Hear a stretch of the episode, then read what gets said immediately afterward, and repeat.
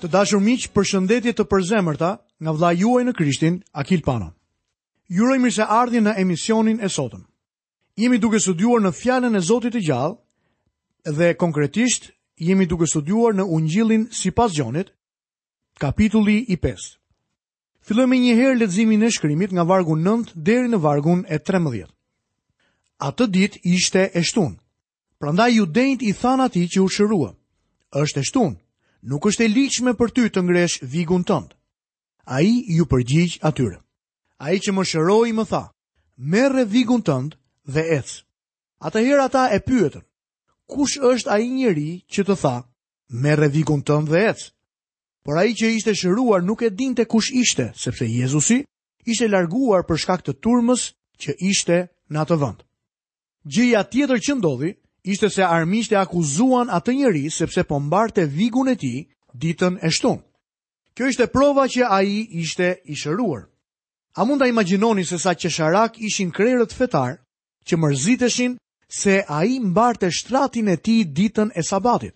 Zoti ynë është duke përdorur një rrugë të mrekullueshme për t'u larguar nga turma, sepse njeriu që u shërua nuk e dinte se kush ishte ai që e kishte shëruar.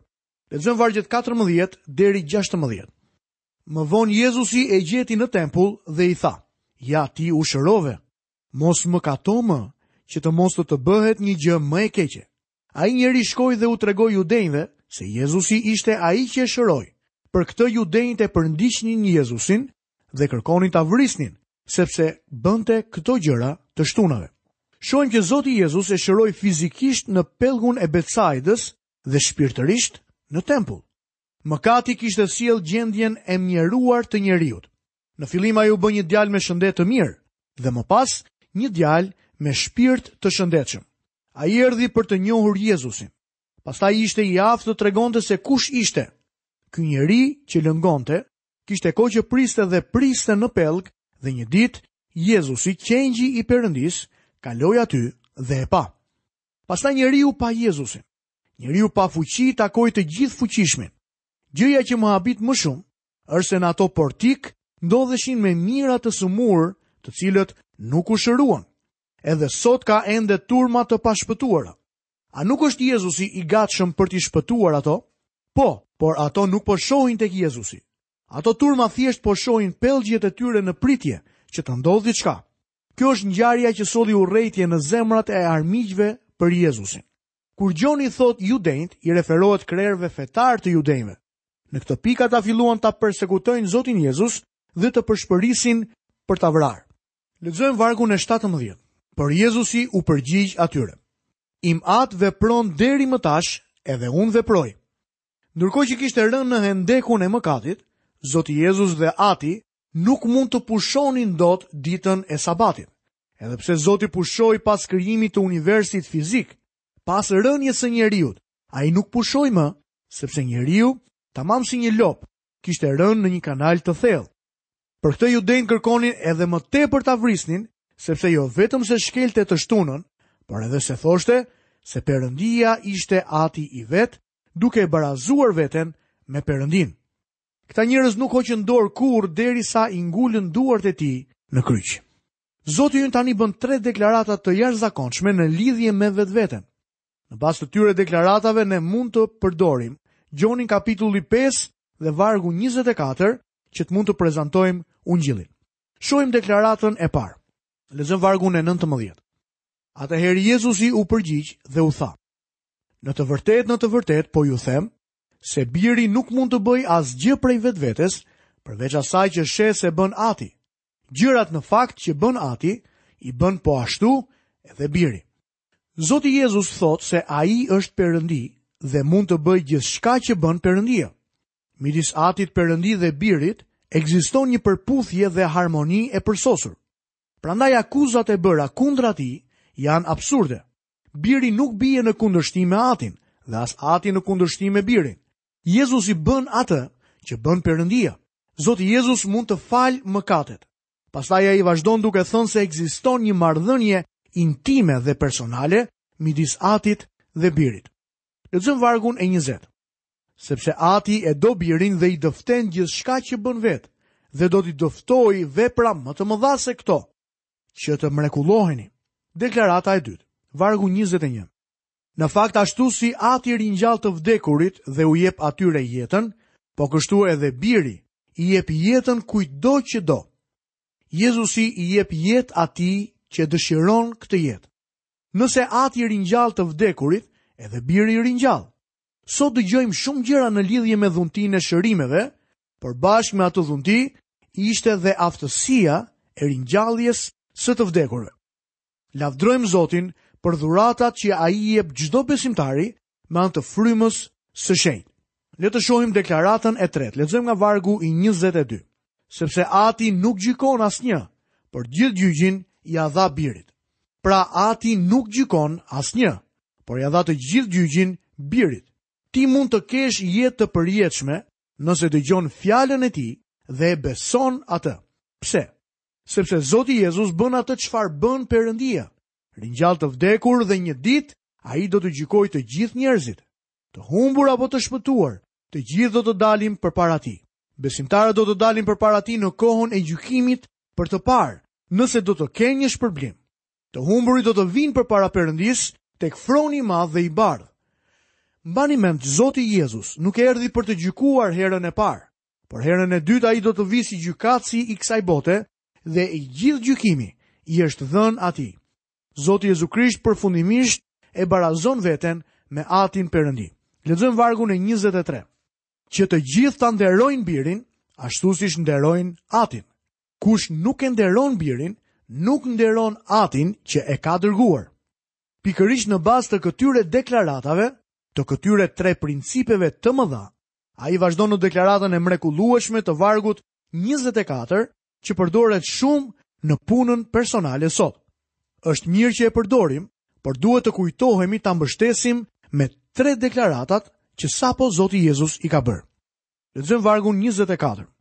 Në të vërtetë, në të vërtetë po ju them, ai që e dëgjon fjalën time dhe beson në atë që më ka dërguar, ka jetë të përjetshme dhe ai nuk vjen në gjyq, por ka kaluar nga vdekja në jetë. Vini re, Zoti Jezus thotë, ka jetë të përjetshme që është në kohën e tashme. Besimtarët nuk dënohen, por kalojnë nga vdekja në jetë. Ky është një premtim i jashtëzakonshëm. Kjo është shumë e rëndësishme. Lexojmë më poshtë vargjet 25 deri në vargun 28. Në të vërtetë, në të vërtetë po ju them, Po vjen ora madje ka ardhur kur të vdekurit do të dëgjojnë zërin e birit të Perëndisë. Dhe ata që e kanë dëgjuar do të jetojnë. Mos u mrekulloni për këtë, sepse po vjen ora kur të gjithë ata që janë në varre do ta dëgjojnë zërin e tij. Çfarë do të thotë Jezusi në vargun 25 kur thotë, "Ora ka ardhur"? Ne po jetojmë në periudhën kur kjo orë ka ardhur. Vargu njëzet e tetë na e bën të qartë që ora nuk ka ardhur ende, por po vjen. Çështja qëndron se ne po jetojmë në periudhën ose kohën pas së cilës do të vijë ora kur të vdekurit do të dëgjojnë zërin e birit të Perëndisë dhe ata që e kanë dëgjuar do të jetojnë. Nëse ndodhemi në periudhën e orës që po vjen, atëherë çfarë do të thotë Jezusi me ora ka ardhur? Kush janë të vdekurit që dëgjojnë zërin e tij tani? Tek Ungjilli i Gjonit kapitulli njëmbëdhjetë, gjejmë ngjarjen kur Jezusi ngre Lazarin nga vdekja. Me siguri ju kujtohet që ai u tha motrave të Lazarit në kohën e vdekjes së tij, Unë jam ringjallja dhe jeta. Ai që beson në mua, edhe sikur të duhej të vdes, do të jetojë. Dhe ai që jeton e beson në mua, nuk do të vdes kurrë për jetë. A e beson këtë.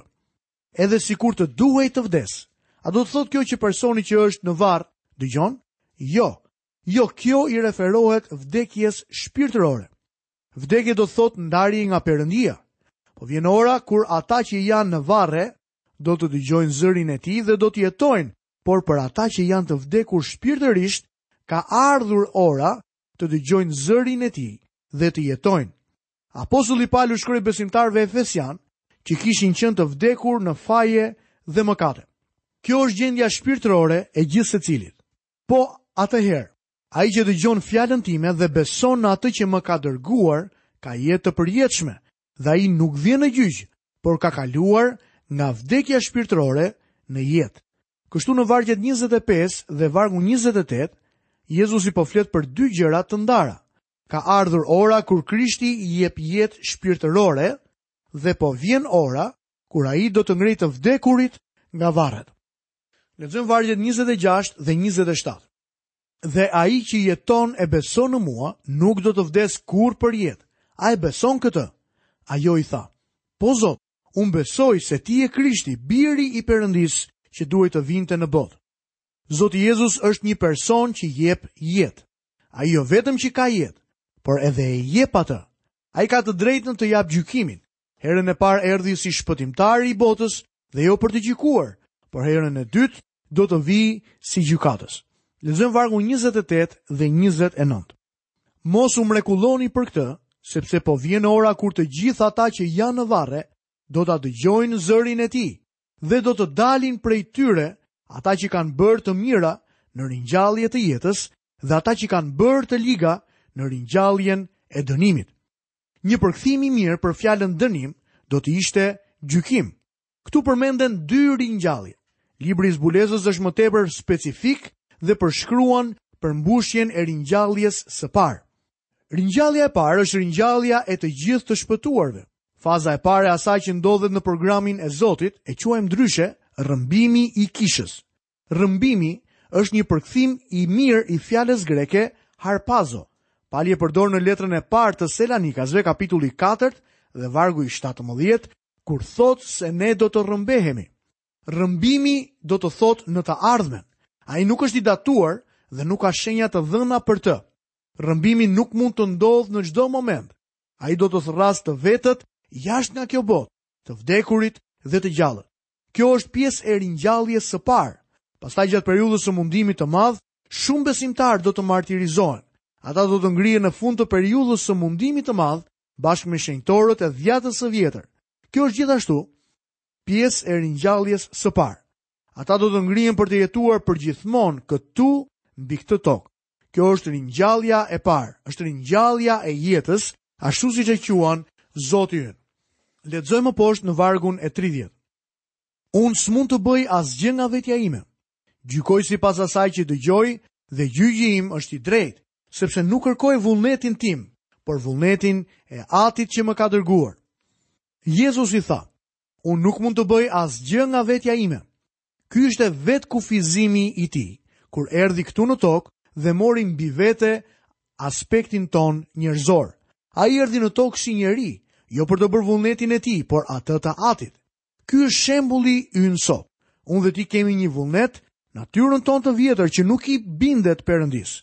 Ne nuk mund t'i bindemi Perëndisë sepse në fakt jemi në rebelim për shkak të kësaj natyre ndaj tij. Kjo është gjendja natyrore e çdo njeriu. Kjo ishte arsyeja se pse Zoti ynë i tha Nikodemit që ai duhej të rilindej sërish. Ata që janë në mish nuk mund ta kënaqin Zotin. Ç'ka lindur nga mishi është mish, por ç'ka lindur nga fryma është frymë. Unë dhe ti miku im duhet të lindim sërish, sepse natyra jonë e vjetër është e pakorrigjueshme. Ajo është në rebelim ndaj Zotit.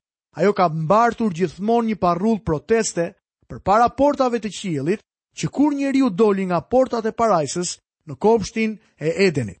Tani Zoti ynë do të tregojë se ka dëshmitarë për faktet që i deklaroi si të vërteta. Lexojmë vargun 31 dhe 32. Nëse unë dëshmoj për veten time, dëshmia ime nuk është e vërtetë. Është një tjetër që dëshmon për mua dhe unë e di se dëshmia që ai jep për mua është e vërtetë. Shkrimi thotë se diçka vërtetohet vetëm me gojën e dy apo tre dëshmitarëve. Unë dëshmoj për veten time. Nuk do të ishte e vlefshme në një gjyq, por është një tjetër që dëshmon për mua. Dëshmitari që i referohet Jezusi këtu nuk është Gjon Pagëzori. Ata mund të mendonin se ishte ai, por në fakt Zoti Jezus e bën të qartë që nuk po i referohet një dëshmitari njerëzor. Lexojmë vargun e 33. Ju keni dërguar tek Gjoni dhe ai ka dhënë dëshmi të vërtetës. Tani Jezusi po thotë se Gjon Pagëzori dha dëshmi për të. Kështu pra ishte një dëshmitar që e njihnin të gjithë. Por shohim që i referohet edhe një dëshmitari tjetër jo njerëzor dhe kështu na bëhen dy dëshmitarë. Lexojmë vargun 34. Tani unë nuk e marr dëshminë nga asnjë njeri, por i them këto gjëra që ju të shpëtoni.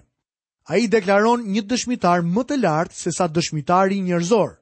Jezusi jep një dëshmi për Gjon Pagëzorin. Ai e quan Gjonin një kandil. Jezusi është drita.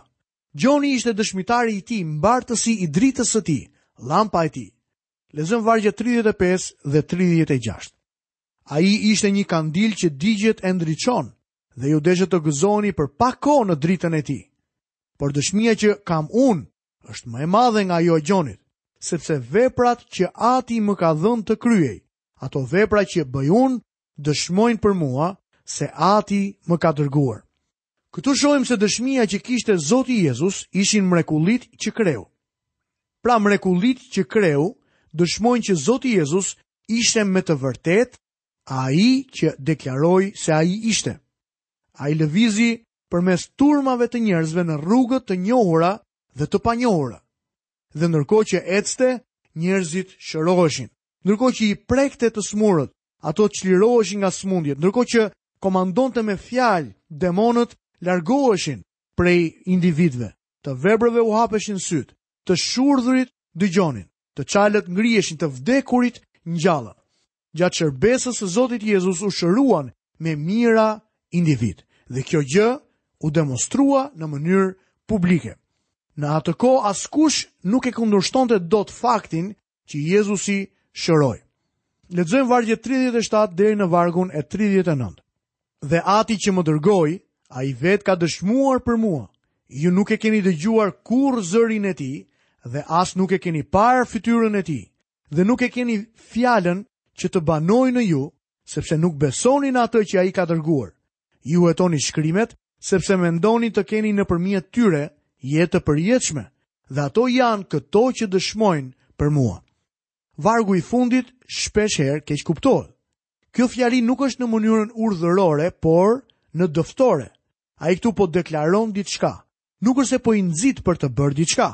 Zoti Jezus u thotë atyre që të hetojnë shkrimet, duke menduar se në to do të gjejnë jetë të përjetshme, por nuk e kuptojnë që shkrimet dëshmojnë për Krishtin. Miqtë e mi, do të ishte mirë të tregoheshit të kujdesshëm dhe të gjenit Zotin Jezu Krisht në Bibël.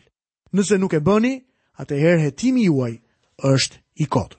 Të dashur miq, nga vëllai juaj në Krishtin Akil Pano, Paçi të gjitha bekimet e Zotit dhe paqen e Tij në jetën tuaj.